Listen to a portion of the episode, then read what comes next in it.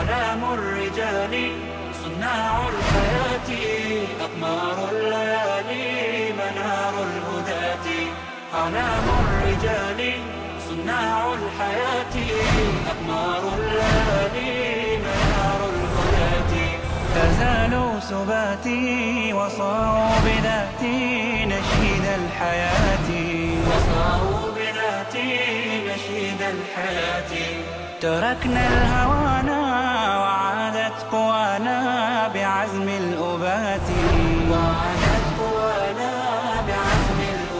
آه يا من تسامى وخلى المنام. جرى العمر يمضي ورا من سراما. إن الحمد لله نحمده ونستعينه ونستغفره ونعوذ بالله من شرور أنفسنا ومن سيئات أعمالنا. من يهد الله فلا مضل له ومن يضلل فلا هادي له أشهد أن لا إله إلا الله وأشهد أن محمدا عبده ورسوله وقال ربنا في كتابه الكريم بعد أعوذ بالله من الشيطان الرجيم يا أيها الذين آمنوا اتقوا الله حق تقاته ولا تموتن إلا وأنتم مسلمون Zahvala pripada Allahu te bareke ve ta'ala, koga naš gospodar uputi na pravi put, zaista je upućen, a koga ostavi u zabludi, nećemo mu naći nikoga ko će ga na pravi put uputiti, svjedočim da nema drugog istinskog Boga osim Allaha subhanahu wa ta'ala i da je Muhammed alaihi salatu wa salam posljednji Allahov poslanik poslan sa istinom. Naš gospodar je kazao u svojoj plemenitoj knjizi, ovi koji vjerujete, bojte se Allaha istinskom bogobojaznošću i ne umirite nikako drugačiji osim kao muslimani. E, Prije svega, assalamu alaikum wa rahmetullahi wa barakatuhu. Zahvaljujemo Allahu Jalla vala koji nas je ponovo sakupio i okupio na ovom bareć mjestu da nastavimo govoriti o njegovim lijepim, lijepim imenima kojima se on te bareke ve ta'ala opisao u svojoj plemenitoj knjizi iz sunetu poslanika sallallahu alaihi wa sallam. E, svi znamo iz dosadašnjih predavanja da je jako bitno da učimo i izučavamo i da nastojimo da što više naučimo Allahu i lijepih imena i značenja istih. Odnosno, e, Allahu i savršenih osobina koje proizilaze iz svakog imena kojeg mi spomenemo. Međutim, spoznaja tih imena i tih savršenih osobina mora da prouzrokuju našim srcima nešto što se zove iman koji u svakom tom trenutku kada čovjek sazna i spozna jedno novo ime, njegov iman treba da, da se poveća. Ne smije se desiti znači da njegov iman ostane, odnosno znači da ostane nakav kakav, kakav je bio prije nego što je saznao uh, jedno od novih Allahu i Tebare Kevetala imena. Primjer onih koji najviše i najbolje znaju i koji su najbolje upoznali, spoznali gospodara Allaha subhanahu wa ta'ala ko su. Primjer su na meleci. Jel, oni, oni su, znači, istinskom spoznajom spoznali Allaha te. I kada pogledamo u njihova djela i njihove postupke, vidjet ćemo da su opisani u Kur'anu, da se Allahu subhanahu wa ta'ala pokoravaju i da mu nepokornost, znači, ni u kom slučaju ne čini. Uvijek su pokorni Allahu subhanahu wa ta'ala. Tako da u hadisma poslanika sallallahu alihi wasallam je došlo da na nebesima, na nebu nema pedlja, a da na njemu ne stoji melek ili na kijamu, ili na ruku, ili na seždi, Allaha te bareke ve ta'ala veliča. Razumijete? To su znači plodovi spoznaje Allaha te bareke ve ta'ala. Kada čovjek spozna, znači istinskom spoznajom i upozna svoga stvoritelja, onda će ga i obožavati istinskim obožavanjem. Nećeš biti isti u namazu pored nekoga koji nije spoznao Allaha subhanahu wa ta'ala. Iz običaja, iz tradicije naslijedio od oca, dede, pradede nešto, i to izvršava. Treba da budeš poseban sa ovom spoznajom, znači sa ovom odlikom, kada si upoznao svoga gospodara, da mu se pokoravaš na način koji on, subhanahu wa ta'ala, zadovoljan. Večerašnje ime koje smo odabrali, koje ćemo pojasniti ako bude uz Allahu subhanahu wa ta'ala pomoć, je ime koje nećete naći na našim leuhama, znači na ovim prostorima, zbog toga ili iz razloga što smo kazali na uvodnim predavanjima da rivajet po kojem su sakupljena ova imena je rivajet od Velida ibn Muslima. I to je najpoznatiji rivajet koji se proširio znači među ljudima kojeg bilježi imam Tirmizi. Međutim, večeras ime koje ćemo navesti ne nalazi se u tom rivajetu. I tako da, da nećemo znači, biti u mogućnosti da nađemo ovo ime znači, u našoj literaturi. A ovo ime večerašnje znači El Mubin. El Mubin, znači Allaho te bareke ve ta'ala ime. Vidjet ćemo, znači, jako je bitno da uh, shvatimo i razumijemo jezičko značenje kako bi onda mogli shvatiti uh, kada se odnosi Allah te bareke, te bareke ve ta'ala. U pokušaju da se prevede, znači, jednom riječju, ovo veliko Allahu subhanahu wa ta'ala ime, može se kazati jasni. Znači, ili očiti, u kojeg nema nikakve sumnje. I vidjet ćemo, znači, isto u jeziku kako su e, kazali da ima značaj mubajin, onaj koji otkriva istinu. Bejin u arapskom znači nešto što je očito, nešto što je jasno, nešto što je vidljivo, znači svi mogu da primijete i da vide. Zatim ima bajin u arapskom jeziku značenje koji je udaljen, znači nešto što je udaljeno. Zatim ima mutebajin različit i suprotan. I sve ova značenja iz jezika će nam pomoći prilikom opisa Allaha te bareke odnosno razumijevanja ovoga njegovog velikog imena El Mubin. Tako da u Kur'anu se spominje samo na jedno mjesto u veliko ime. I prošli put smo citirali kuranski ajet u kojem smo naveli ime koje smo prošli put spominjali je El Haq. Tako da Allah Đelešanu kaže u suri Nur u 25. ajetu Jevme idin yuvafihimu Allahu dinahumul haq wa ja'lemune enna Allahe huval haqqul mubin. I ovaj ajet smo prošli put pojašnjavali Tog dana, na velikom danu, na sudnjem danu, Allah Đelešan kada ih sakupi, takve će kazniti. Obraća se znači onima koji su bili nevjernici. Takve će kazniti وَيَعْلَمُونَ I svi oni koji tada budu kaženi, kada dođu pred Allaha subhanahu wa ta'ala, znače istinskom spoznajom. وَيَعْلَمُونَ Znače, znači, ono pravo će im postati očividno, očigledno ispred njih, da je nešto istina. a u stvari ovdje šta je istina koju će saznati u tom trenutku jeste da je Allah Đelešanuhu el haq, prava istina el mubin i očita istina. To će saznati svi koji su sumnjali, koji nisu vjerovali, koji su poricali, koji su glave okretali kada su bili pozivani na ovaj pravi, na ovaj pravi put. I kažemo da se spominje samo znači, na jednom mjestu. Tako da učenjaci iz ovih jezičkih značenja i onog prava koje Allah subhanahu wa ta'ala pripada kažu El Mubin je onaj koji je ehad, jedan jedini gospodar koji je zaslužan da bude obožavan pogledajte sad ono, i koji je daleko udaljen od svojih stvorenja. Jer smo kazali u jeziku, u jeziku da ima znači e, bajin značenje udaljenosti. Daleko od stvorenja. Uopšte nije znači uz stvorenja. Nije sa stvorenjima u smislu njegovog uzvišenog tebare kvetala bića, ali je on uz stvorenja i sa stvorenjima svojim znanjem, svojom moći, znači spoznajom da mu ništa od toga ne promiče njihovih postupaka, kako smo već pojasnili imenima El Alim, El Basir, El Habir.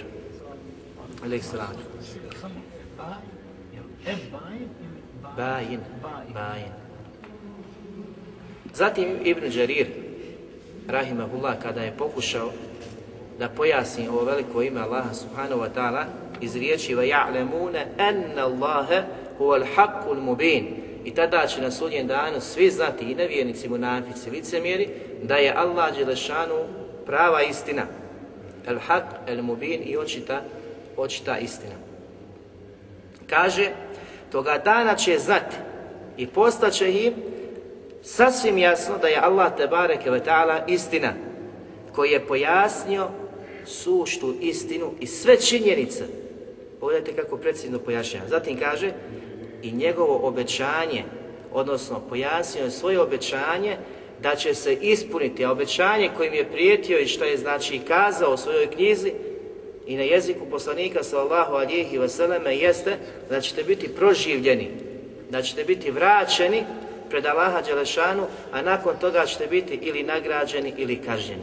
Znači da je njegovo obećanje isto tako istina.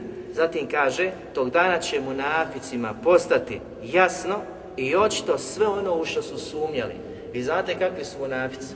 U opisu, znači, Kur'ana, u opisu, znači, poslanikovi sallallahu alihi wasallam vjerodostojnih hadisa, da imaju šek, imaju sumnju. Kada su s vjernicima, ponašaju se kao vjernici, u stvari u srcima njihovi, nutrina njihova nije povjerovala. Maštinjom iskazuju da su uz vjernike, da su s vjernicima, da vjeruju, ali srce je glavno, srce je bitno. Znači da ono povjeruje, da ono čvrsto vjeruje, a kada je ono znači ispravno, kada je ono znači u redu, tada i jezik biva isto tako u redu, jer priča ono što Allah Želešanuhu voli, sa čim je zadovoljan, a to se potvrđuju njegovi organi, odnosno njegovi, a, njegovi dijelovi tijela. I kada vidi znači da čovjek od udara, od Kur'ana i sunneta, da ne pridržava se Kur'ana i sunneta, a posebno onih, o, o, one osobine koje je poslanik sallallahu alihi wasallam ukazao kada obeća ne ispuni, kada mu se povjeri, pronevjeri i slične osobine. Znači, to su jedne od osobina koje se nalaze pri, pri munaficima, licejima da Đelešanu sačuva, sačuva svega toga. I on je, znači, ovo pojasnio, definisao, znači, i svatanja, razumijevanja jezičkog, to je zuhur, nešto što je očito, nešto što je jasno i vidljivo. Znači, tako da će svima njima na sudnjem danu biti i očito i jasno da je Allah istina, da su njegove riječi istina, da, da je njegov govor istina, da su njegove naredbe istina i zabrana, a isto tako kazna, kazna i nagrada toga dana. Šta će drugo poželjeti osim da se vrate da bi radili dobro, dobro djelo. Tako će svaki onaj koji izgubi nadu, kada pogleda da je to sve istina, kada sazna gdje je, ko je, šta je, poželit će da se vrati, međutim tada povratka neće biti. Danas smo tu, danas smo na ovom dunjalku prolazno da se trudimo, da naučimo i spoznamo našeg gospodara Tebare Kevetala, a zatim da radimo po onome što smo čuli i saznali. Ezdađađi rahimahullah, kaže Allah Tebare Kevetala je El Mubin, onaj koji je pojasnio i jasnim učinio pravi put svojim robovima. Pogledajte definicije. Onaj koji je pojasnio, a to je izvornog jezičkog značenja, koji je pojasnio i jasnim učinio pravi put svojim, svojim robovima. Ukazao je na djela koja ako budu radili, bit će nagrađeni. Ukazao je, pojasnio, jasnim učinio ta djela. To želi da kaže. Jasna su ta djela. Znači, koji bude radio, ko bude izvršavao, bit će nagrađen po tim djelima. Zatim kaže, ukazao je i jasnim učinio djela. Ako je budu ljudi radili izvršavali, bit će kažen na osnovu, na osnovu tih dijela. Zatim kaže, on je El Mubin, koji mu ukazuje na njihova dijela. U kom smislu? Kaže, ukazuje kroz njihova dijela na znakove koji upućuju na hajr i dobročinstvo i pokornost. Ovdje učenjaci navode primjer za njegov govor. Kada čovjek dođe negdje čuje hadis poslanika sallallahu alihi wasallam. Allah ga je, znači, nadahnuo da dođe, čuje to djelo. Taj postupak da vidi. Međutim, u istom trenutku Allah Đelešanu homu u tom postupku, u tom dijelu, u tim riječima osvjetljava put. Čini put jasnim, poruku jasnom. Ako je bude prihvatio i bude radio po njoj, uspjeće. Ako je ostavi, glavu okrene, nastradat će. Što znači kada god čuješ kuranski ajet, kada god čuješ hadis poslanika sallallahu alihi wasallam ili govor nekog od selefa, velikih učenjaka i ne vidiš nur u tom govoru, glavu okreneš, zapostaviš Habibi, nisi prihvatio ono što ti Allah te barek vetala ponudio.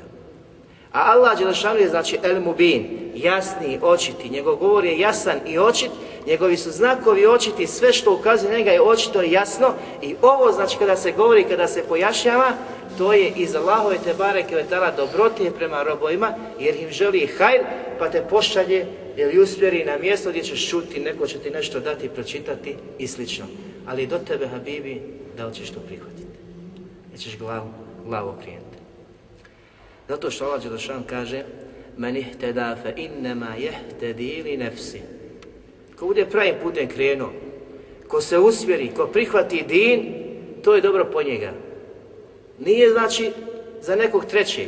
To je za tebe, Habibi.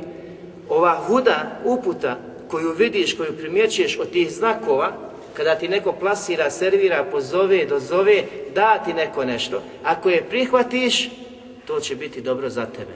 وَمَنْ ضَلَّ فَإِنَّمَا يَدِلُّ عَلِيهَا A onaj koji glavu okrene, to će samo štetiti njemu, nikom drugom.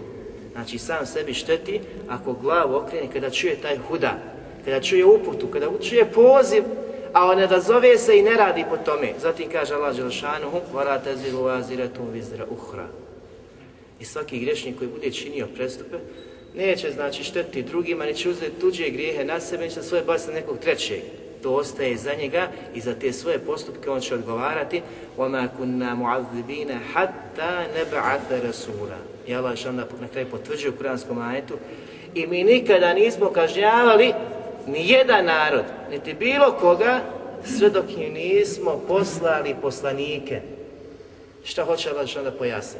Hoće da kaže da nikada nikoga nije kaznio iz nepravde, nego kada su to zaslužili, a zaslužili su onoga momenta kada im je slao poslanike sa uputom jasnom pozivali, dozivali, pojašnjavali, objašnjavali, uputa jasna, el mubin, znači koji je jasan i očit, šta je jasne znakove, jasne ajete u koje nema nikakve sumnje. I te ajete kada su dolazili poslanici i kazivali i pozivali, oni su glave okretali. Tek nakon toga kada su negirali, kad su glavu okrenuli, Allah Đelešanu šalje, šalje svoju kaznu. I zato je o, jako opasno za svaki narod, svaki grad, mjesto i područje, kada im dođu ljudi koji su na vjeri Allaha te bareke ve ta'ala sunetu poslanika sallallahu alihi ve sellem, kada pozovu taj narod, tu skupinu, to mjesto, tu državu, bilo koji prostor i oni glave okrenu, protjeraju, negiraju, neće da prihvate, bojati se za to mjesto da Allah Đelešan ne spusti svoju kaznu. Jer Allah Đelešan kada šalje poslanike, vjerovjesnike, a ko su nasljednici vjerovjesnika? Učeni. Od učeni su oni koji su učili, oni daje, znači svi oni koji imaju e, znanja, koji pozivaju rade po tome, kada pozovu nekoga, oni u tom trenutku uspostavljaju argumente šerijaske na takvima. Ti kad glavu okrenu, nakon toga Allah Žešan može da ih kazni. A kada ih kazni, nema teube. Nisu oni slučajno bili tu u toj skupini pa će proživjeti sve njih po nijetima pa će među njima biti dobri. Oni koji su takvi, oni će biti dobri. I na ahiret se mogu naći svom nijetu, svom radu što su radili. Govorimo o skupini koja je odbila, a kaže nakon što je saznala. Ne možeš toga reći, Allah, drago, prosti mu. Nije znao. On je znao kada je glavu okrenuo i kada nije prihvatio ono što su došli ljudi da mu ponude od upute i jasnih znakova Allahovi tebareke, tebareke wa ta'ala. Zatim iz ovoga se isto tako razumije govor poslanika sallallahu alihi wa sallam el halalu bejin halal je jasan wal haramu bejin isto tako je haram jasan. Nema znači neke sumnje. Tako je jasno od koga je jasno? Od koga je došla ta jasnoća? Zbog čega je jasno? Zato što je El Mubin, onaj jasni i očiti, spustio te halal, spustio je halal koji je jasan, a isto tako je spustio svoju zabranu haram koji je jasan. Pogledajte, od jasnog dolaze svi ti postupci, sva djela koja budeš radi, koji se budeš konio, toliko su jasna. Ali su ljudi ti koji naginju ili na jednu stranu ili na drugu. Iako u, u suštini zna da je haram, ali on taj haram onaj, e, želi, jer u duša je sklona zlu. Hoće ona znači da da uživa, da slijedi strasti i slično. El Hatabi Rahimahullah je kazao El Mubin u značenju onaj čiji je vahdanijet jasan. Allahu akbar. Hoće da kaže El Mubin, Allah te bareke ve ta'ala su pisao tim velikim imenom. Ukazuje da je njegova jednoća jasna, nema sumnje i on nema sudruga. I on nema sudruga. Znači, toliko je to jasno, toliko je to očito, da je Allah jedan koji je zaslužan da bude obožavan i niko drugi pored njega i da nema sudruga u vlasti niti bilo čemu. Toliko je znači jasno. Zato učenjaci kažu tragovi koje vidiš u pustinji ukazuju i upućuju da je neko već prošao tom stazom. Ovdje znači su riječi El Hatabija rahimahullah da je njegov vahda nije tako jasan poput čovjeka kada dođe do pustinje pogleda da su neki tragovi već tu ostali, što ukazuje da je bio prolaznik, bio je neko prije njega, prošao tu. Kaže, nebesa i zemlja ukazuju i upućuju, jer su i nebo i zemlja, od znakova Allaho i Tebare Kvetala, sunce, mjesec, sve što vidimo. Sve to znakova što ukazuje i upućuje na svevišnjeg, jednog, jedinog, koji je jasan i očit. I najmoćniji, moćniji, snažni, sve to ukazuje na njega. Poput znači ovo na Dunjaluku kada vidiš te tragove, a, da je neko već prošao tim putem. Kada se god okrene, znači toliko je to jasno, što kažu učenjaci da nije znači potrebno čovjeku da sjedne, da duma, da promišlja, da li ima stvoritelj ili nema stvoritelj. Pametno mi je, znači jasno, samo pogleda nebesa, pogleda zemlju, ono što je na zemlji, razumijete, od svega što je Allah stvorio, sve to ukazuje na njega, da je on stvoritelj. To je taj vahdanijet uh, na koji ukazuje i na koji upućuje, znači uh, ovo što je Allah Tebare Kevetala stvorio. Da on jedini zaslužan da bude obožavan, da je on jedan jedini, svevišnji, uzvišeni, sveznajući, kojemu znači niko nije ravan, a u isto vrijeme znači očiti, jasni, jer sve ukazuje, sve upućuje na njega, Allaha Tebareke, Tebareke wa ta'ala. Zato još jedan drugi primjer navodi i kaže da li je potrebno danu da dokaže da je dan. Razumijete? Znači, da, Allah Đelešanu je veća istina, jasnija istina od sunca na nebu kada nema ni jednog oblačka. Za onoga ko pamet ima i razuma. Znači, toliko je jasna istina. Kao što danas kada pogledaš sunce, nema ni jednog oblačka. Da li sumnjaš u viđenje toga? Ne sumnjaš, ahi.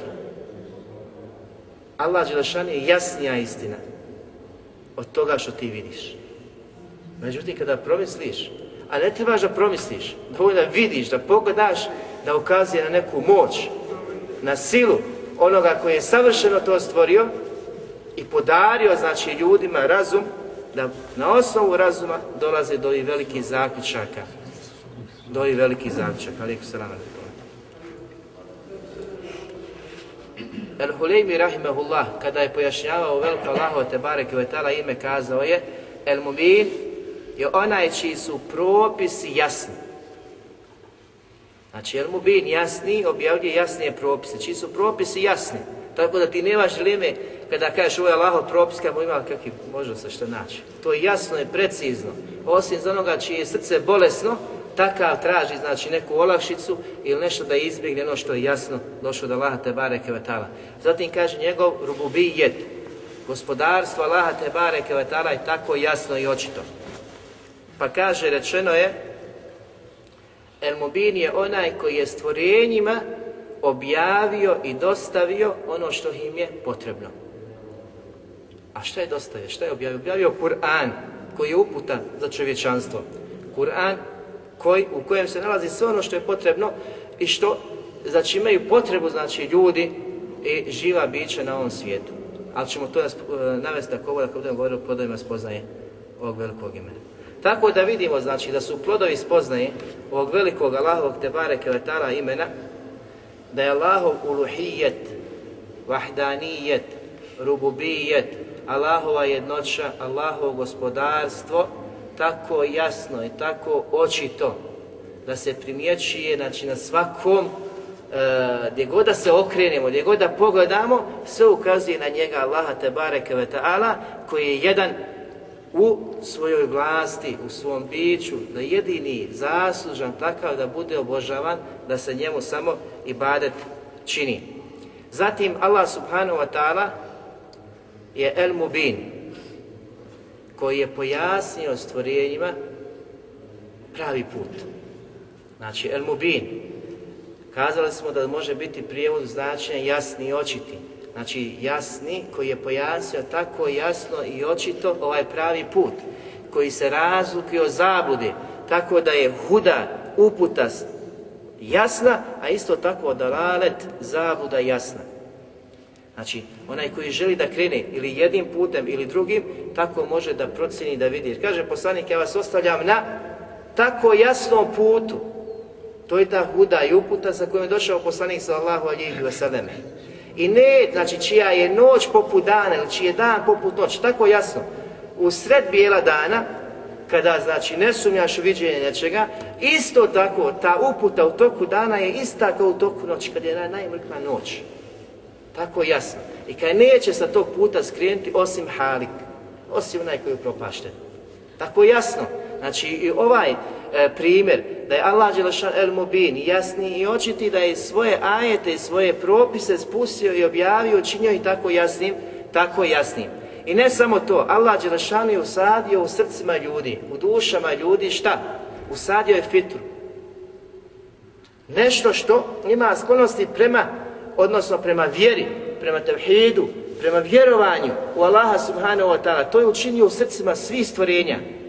Tako da vidimo iz hadisa poslanika sallallahu alihi vseleme da se dijete rađa u čistoj vjeri. Pa su roditelji ti koji će ga učiniti da bude kršćanin ili židov ili vatropoklonik. Znači roditelji su sebe što će dijete da skrene, da zaluta. Nakon što je u srcu kada je stvoren i kada je došao na ovaj svijet bio, znači u islamu, dini i vjeri.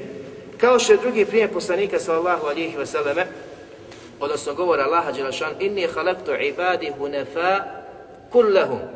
Zaista sam ja, znači, stvorio svoje robove pravovjernim. Učinio ih, znači, na pravoj vjeri ili u pravoj vjeri, u dinu ili islamu, znači Allah Đelešan stvara robove u pokornosti njemu.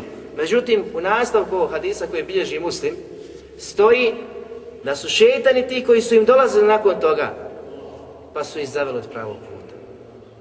Znači Allah šanu želi ti hajr, želi ti dobro, stvarate na dunjalu onako kako on hoće, sa čim je zadovoljan, ali su šetani tvoj otvoreni neprijatelj. Znači šetan i džini i oni koji zavodi i odvode ljude od pravog puta, oni su tvoji otvoreni neprijatelji. I oni došaptavaju i ne želi šetan i bliz, neki Allahov proklet, da bude sam u džehennemu, nego želi da ima mnogo sljedbenika koji će biti skupa s njim. Tako da odvode i zavode prave ljude, odnosno prave vjernike i na kraju vidimo da će biti većina na dunjalku oni koji nisu vjernici. Znači šetan znači u tome da uspije. Uspije znači da će mnoge zavesti od pravog puta. Allah Đelešanu kaže فَأَقِمْ وَجْهَكَ لِدِينِ حَنِيفًا I ti svoje lice upravi prema pravoj vjeri Islamu. Allah Đelešanu ređe pa kaže fitrat Allahi leti fatara nase alejha. To je Allahova vjera. Znači fitra urođeno ono što dođe uz čovjeka, sa čim Allah Đelešanu stvara ljude. To je ta vjera koju Allah Žešana reče da okreneš lice prema njoj, da budeš ustrajan, da se pridržavaš te vjere, je ista ona vjera na kojoj te je Allah ili u kojoj te Allah Đelešanu stvorio kada si došao na ovaj svijet. I u nastavku kaže la tebdila li halki la i nema izmjene u Allahovoj vjeri, u Allahovom stvara njegove odredbi, to je tako kako Allah šan odredi, pa kad zalike dinul qajjim i to je prava vjera. Islam je prava vjera, nema druge vjere, to je prava vjera koju traži Allah Đelešanu od nas da se držimo i pridržavamo. Pa kaže, eksteren nati la, la ja'lemun, ali većina ljudi to ne zna. Većina ljudi to ne zna. I glavu toga, glavu toga okreće. Nakon što je Allah Đelešan objavio i pojasnio svoje jasne ajete i svoj jasan put, učinio tako jasnim. I došli su šetani i zaveli ljude. Allah Đelešanu i svoje neizmjerne milosti opet ne želi čovječanstvo da luta u zabudi, nego želi da ga obožavaju, da mu robuju, da njemu samo i bade čine. Pa i svoje neizmjerne milosti, dobrote prema svima njima, šalje vjerovjesnike.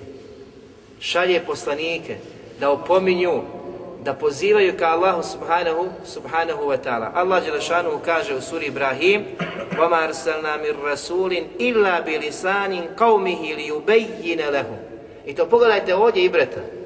Kaže Allah Đelešanu, mi nismo poslali ni jednog poslanika nekom od naroda da nije bio od njih i da nije pričao, da nije pričao njihovim jezikom. Njihovim jezikom da pojasi njihovim znači jezikom ono što Allah dželešanu traži traži od njih. Zatim kaže: "Fa yudillu Allahu man yasha wa yahdi man yasha." Allah na stramputici ostavlja koga hoće, a koga hoće on upućuje svoje neizmjerne milosti. Wa huwa al-azizul hakim, a on je snažni, moćni i mudri. Snažan i moćan da učini koga hoće da uputi, snažan i moćan da onaj počasti, odnosno počasti uputom nekoga, nekoga da ostaje u zabludi, a s druge strane, znači mudri u svemu tome, znači nije neko vjernik i nevjernik, to što je Allah Đelešanu htio ne bila se poigrava, nego i svoje apsolutne mudrosti, vrhunca svake mudrosti je učinio znači jednu kategoriju i drugu. Ali šta kažu mu Fesiri ovdje? Znači Allah Đelešanu je ovdje pojasnio, šalje vjerovjesnike, poslanike narodu. Od njih da ih ukaže i upozori njihovim jezikom kojim su govorili. Znači svoje neizmjene dobrote. Htio je da narod u kojem se pojavi poslanik ili kojem dođe poslanik da shvati to, da razumije. I ovdje svaki onaj koji poziva i pojašnjava drugi treba da uzme pouku da ti je cilj kada dostavljaš, ne da uspostaviš argument i dokaz nad nekim, nego da ti bude cilj da ga uputiš.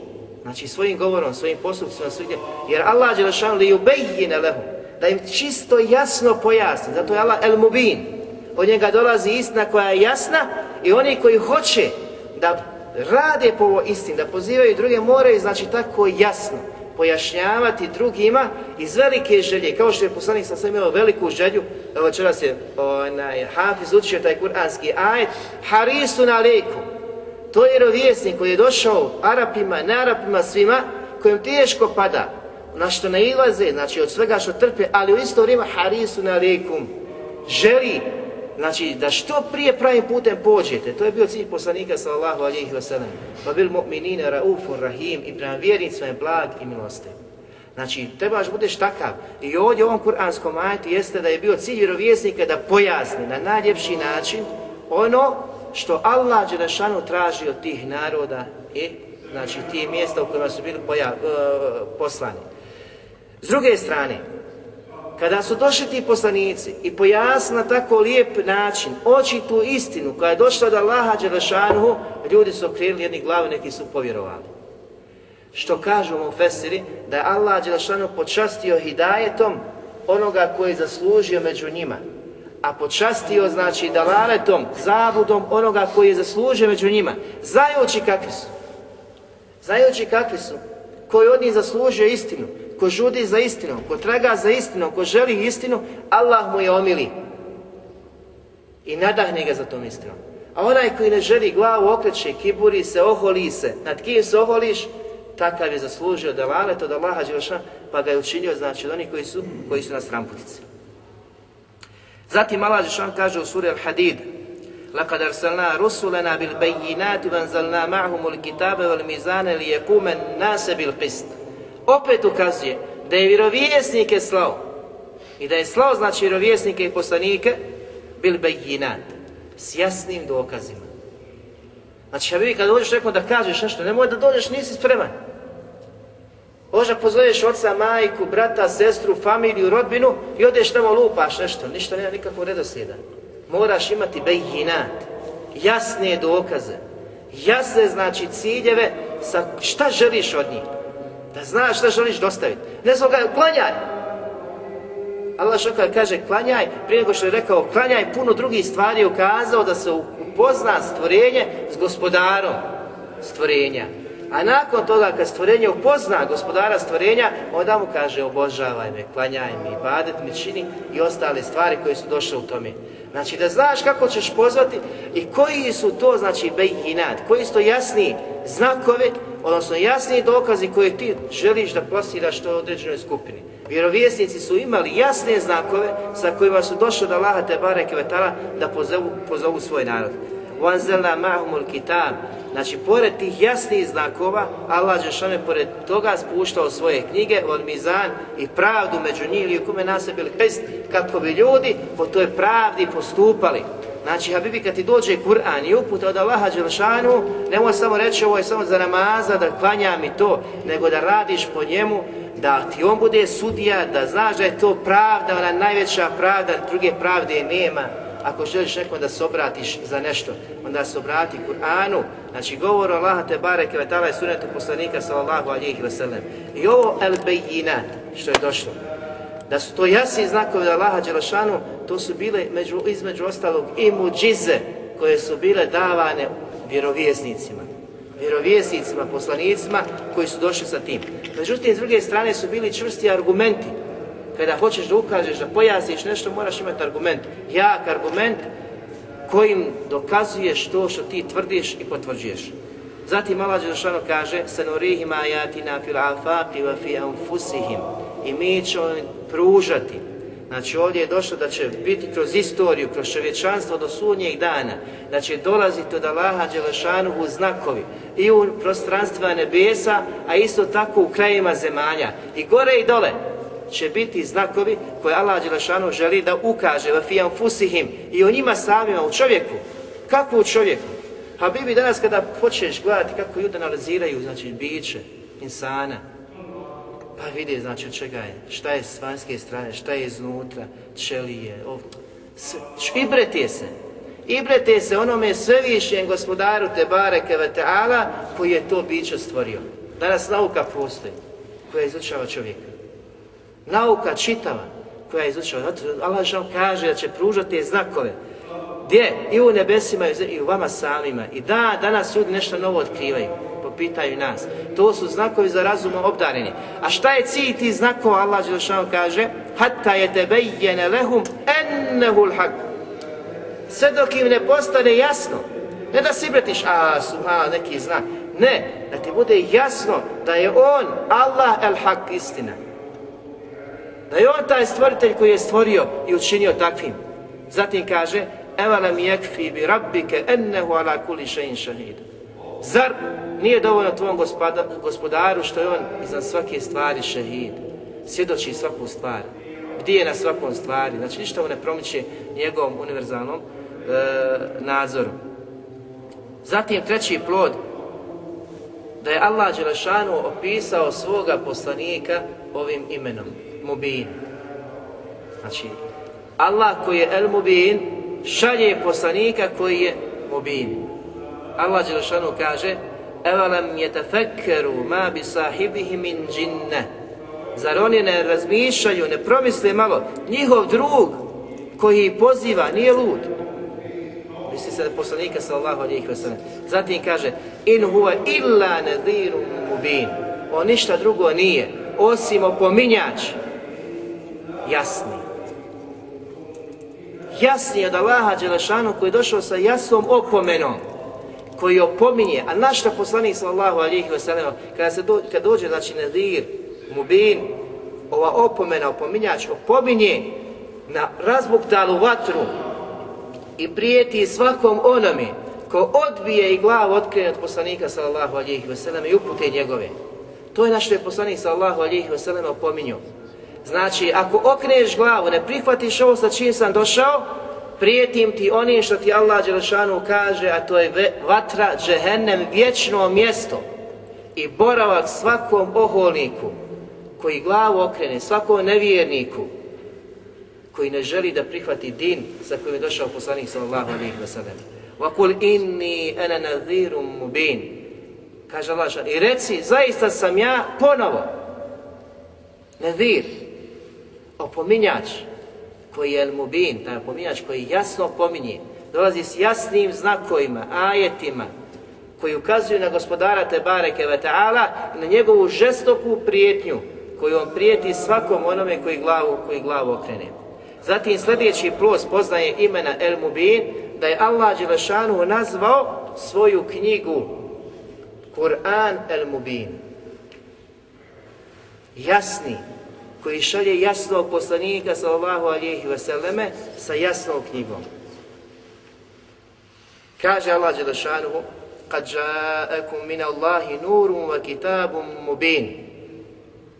Od Allaha vam dolazi jasna knjiga. Knjiga koja je jasna. Kitabu mubin u koju nema znači nikakve sumnje koja je očita, jasna.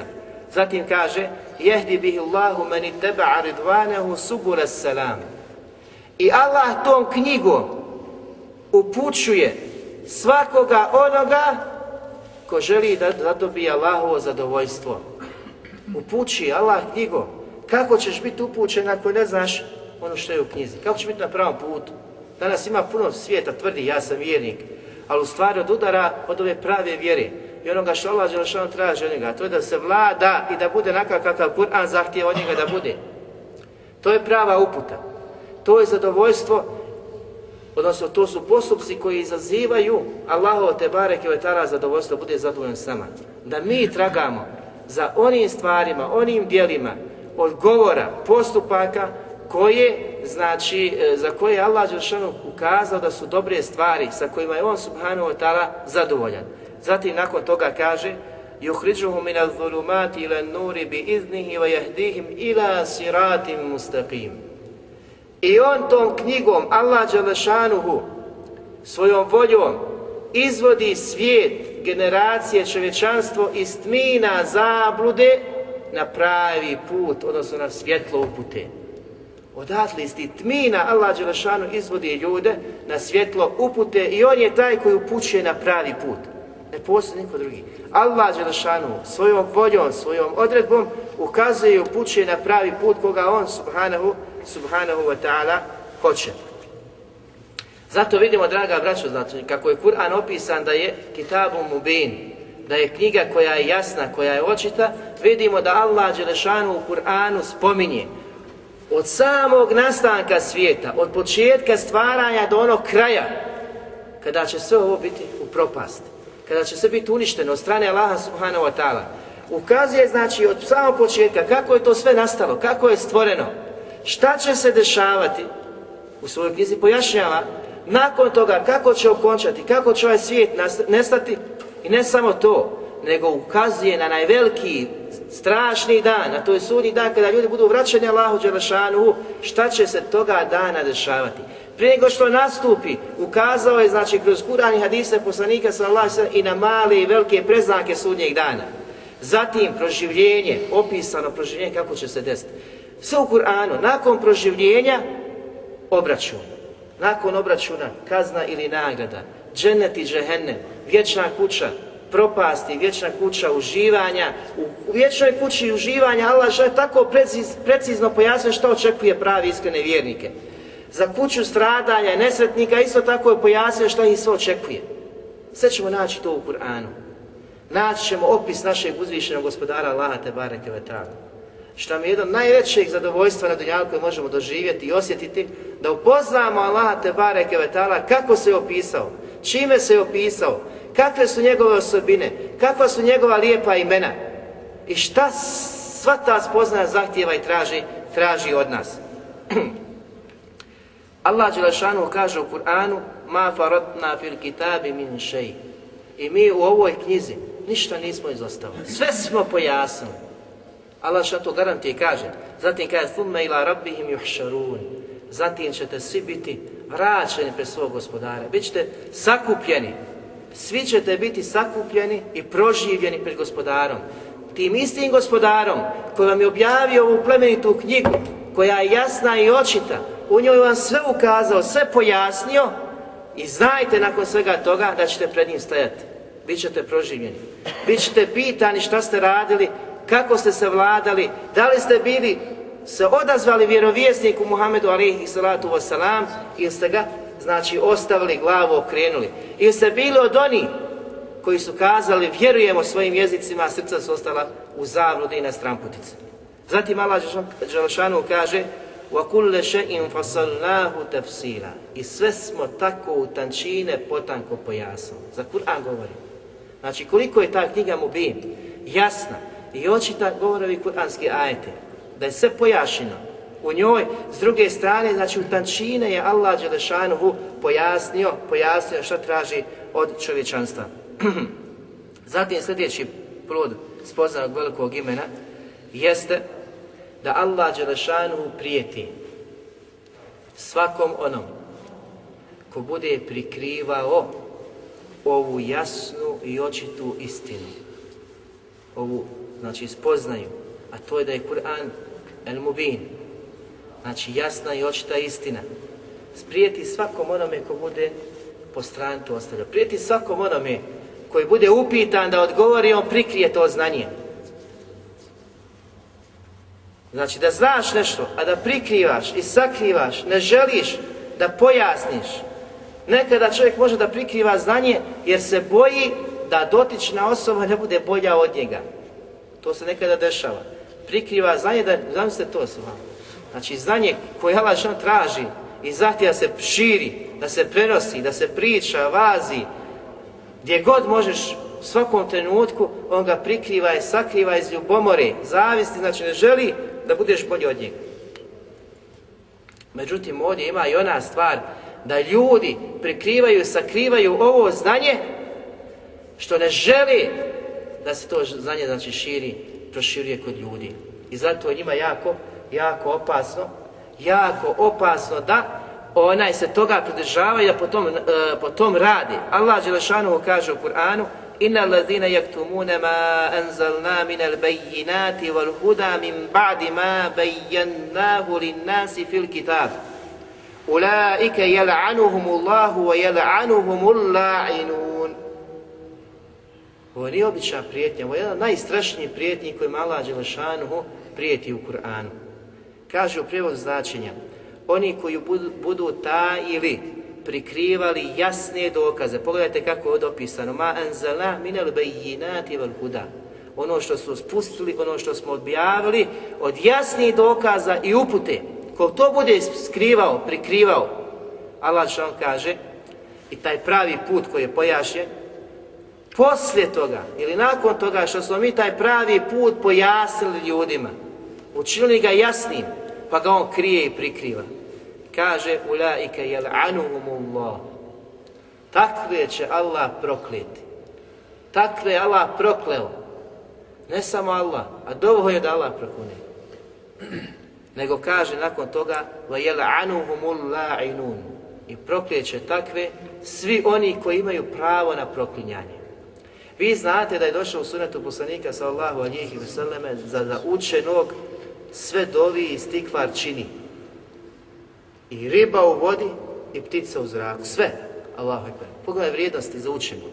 A ovdje ko prikrije znanje, ima prokljestvo Allaha i svih oni koji proklinju.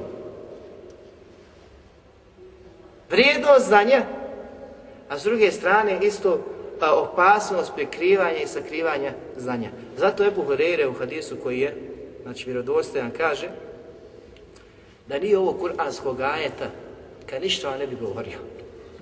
Ništa vam ne bi ovo govorio. Buharija bilježi predaj. Znači da nije ovo kuranskog ajeta ništa vam ne prinosi, ništa ne bi govorio. Koliko je znači shvati opasnost i ovu veliku prijetnju koju Mala Žešanu prijeti.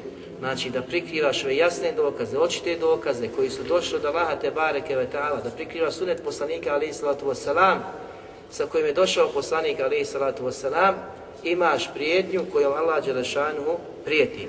Zato kaže Allah poslanik sallallahu alaihi wasalame, koji isto tako prenosi Ebu Hurere, a šeh Albani za ovaj hadis kaže da je vjerodostojan koga bilježi ima Mahmed Ebu Dawud, Tirmiz ibn Mađe. Kaže, ko bude upitan o nekom znanju, men suilani ilmin feketemehu, ko bude upitan o znanju i zatim to znanje prikrije, ne želi da ga iskaže, prikaže. Kaže, na sudnjem danu će imati uzdu od vatre.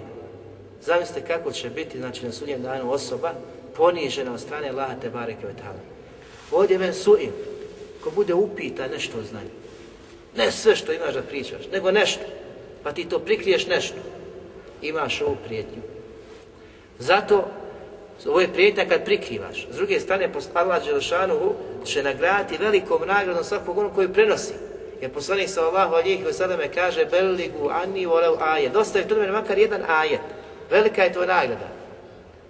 Neka dostavi prisutni, znači odsutnom. I to, ko bude sve upute jednog čovjeka koji ima nagradu čitavog dunjaluka, svu vrijednost dunjaluka, dunjaluka ono što je na njemu, To su došle velike. Ima nagradu u drugom poslan, hadisu poslanika sallahu alihi wasallam, sve što bude on činio, imaće nagradu da se neće umanjiti od onoga koji bude to činio.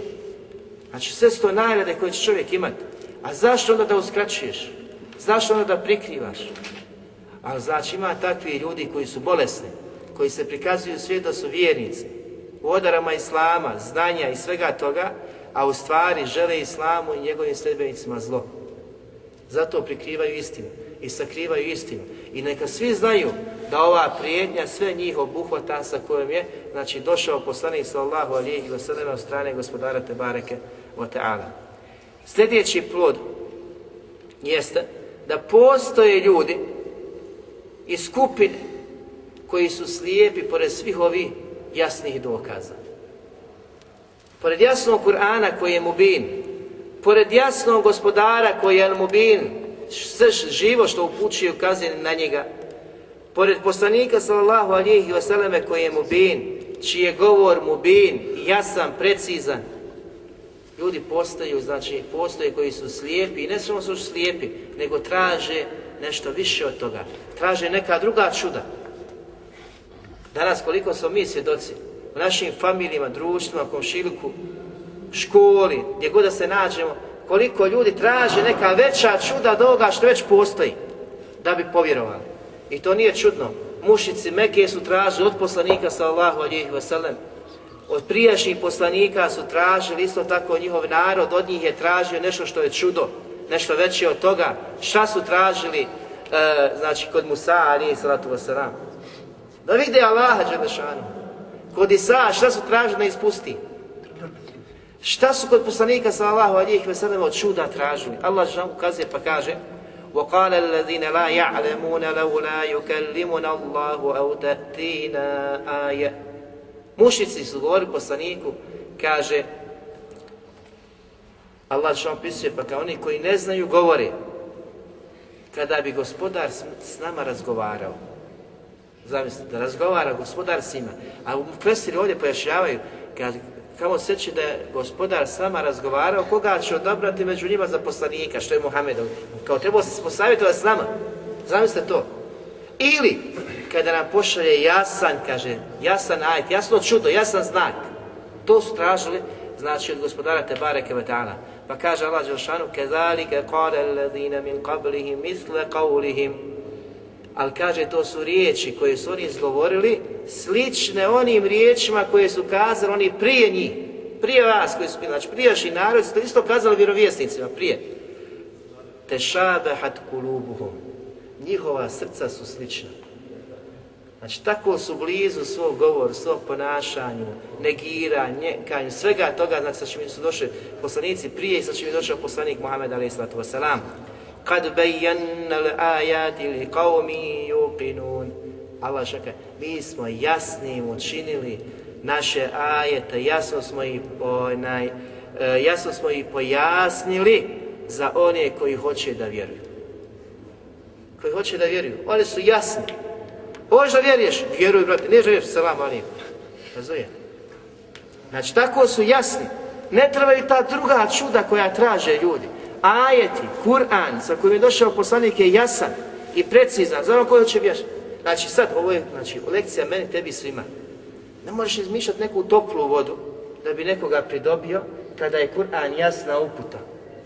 Znači moraš raditi po Kur'anu, moraš raditi po sunetu poslanika, pozivati kako je poslanik sallahu alijih wasallam pozivao, kako je on pojašnjavao, kako im je, znači ukazivao na gospodara te bareke vetala. A ne to sve po strani, ostaviti izmišljaš menheđ, put, način, nema menheđa, nema puta koji vodi Allahu Đelešanu, osim put koji je zacitao poslanik sallahu alijih wasallam. Ko hoće uspjeh, ko hoće da se sačuva vječnoj kući, da dođe do uspjeha, do daru salam, mora ići stopama poslanika, stop po stopu sallallahu alihi wasallam. Drugog puta znači nema. Zatim, zadnji plod koji ćemo navesti, jeste Habibi, da trebaš da budeš jasan, precizan, kada dostavljaš ovu istinu, riječit, s druge strane, da tvoja spoljašnost bude jasna, da si ti uistinu sedbenik poslanika sallallahu wasallam. Što znači, tvoja spoljašnost i tvoja nutrina trebaju da potvrđuju i da budu dokaz za svakog onoga koji te vidi i koji te pogleda kaže ovo je sebenik poslanika sallallahu alihi wasallam. Tvoji postupci, tvoja djela, sve što činiš da budu u skladu poslanika, kad neko sa strane gleda, da je to očito i jasno, dokaz jasan da si sebenik poslanika. Ti nisi ostali ljudi, niti možeš biti kao ostali ljudi, ti nisi više džahil, ti nisi neznalica, ti si od danas vjernik, a koji je to vjernik? Kakav je taj vjernik sa kojim je Allah zadovoljan? Koje su osobine koje ga krase? Koje osobine ne treba da ima pri sebi? Toga se kloniš, ove osobine uzimaš. Znači, kada te ljudi vide, kada te pogledaju, kada te slušaju, kada imaš bilo kakav odnos ima uh, međusobne, znači, ili kupoprodajne, da oni osjete Habibi u svakom tom trenutku da si ti sebenik poslanika sallallahu alihi wasallam, da odudaraš od drugih. A posebno, znači, se ističe ovdje, kada pozivaš druge i kada pojašnjavaš drugim, da znaš šta pričaš. Da znaš čemu pozivaš. I da znaš kako pozivaš. Ovaj bejan, znači pojašnjenje, da pojasniš, da u stvari pokušaš da omiliš ovu istinu srcima ljudi. Allah Đelšanu kazuje na to pa kaže Ar-Rahman allama al-Qur'an khalaqa li-insan allamahu al-bayan Ove osobina Ar-Rahman milostivi koji allama al-Qur'an podučava Kur'anu i ne samo to khalaqa li-insan ljude stvara.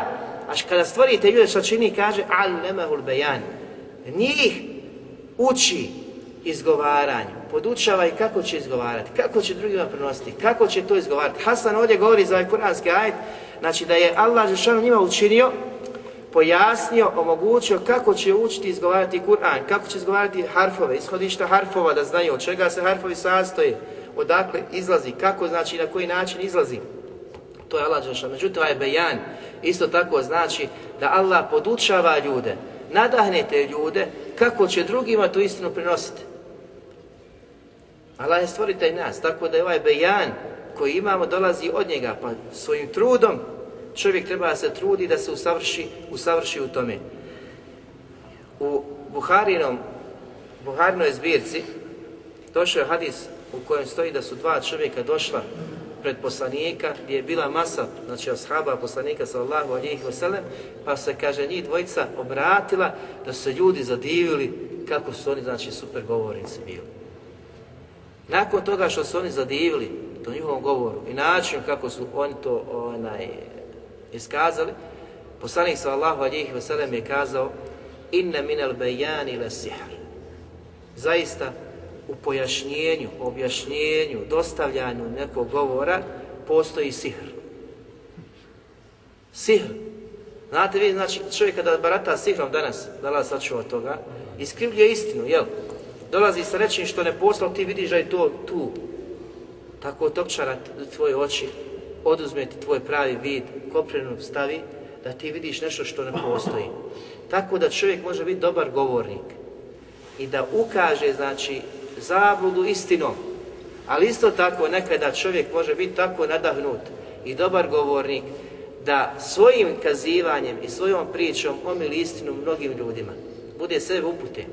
Tako da ovdje ima učenjaka koji smatraju da ovaj bejan koji je od sihra, da je pokuđen, da nije u redu, ali većina smatra znači da je u redu i da je to ono pohvalno e, što čovjek treba imati kod sebe. Da je dobar dobar govornik. Zašto Omer ibn Abdulaziz, kad je došao mu jedne prilike, čovjek imao je potrebu kod njega, bio halifa. I kad tako je riječito pojasnio svoju potrebu, da je na kraju rekao Omer, digao ruke, kaže, zaista je, kaže, ovo sihrul halal. Dozvoljeni sihr. Znači, tako došlo, kad imaš, znaš imaš potrebu, ali ne znaš tražiš tu potrebu. Ko će ti dati? Pa neće, daj bježa. Ako znaš, onda je to. Znači, pogledajte, znači, to je jedan od kodova spoznaje, da čovjek zna kako će pričati, kako će pozivati, šta će kazivati, da zna kome se obraća. I šta je ta skupina, taj pojedinac, ta grupa potrebna. I molim Allaha Đelešanu da nas počasti i da nas učini iskreni pravi sedbenika ove istine. Nosioca, znači ove istine na ovim prostorima. Da nas poživi na istini, da nas usmrti na istini. I da nas učini od onih koji će biti sebe da omili ovu istinu mnogim znači ljudima. Subhanak Allahumma hamdik, ashhadu an la ilaha illa anta astaghfiruka wa atubu.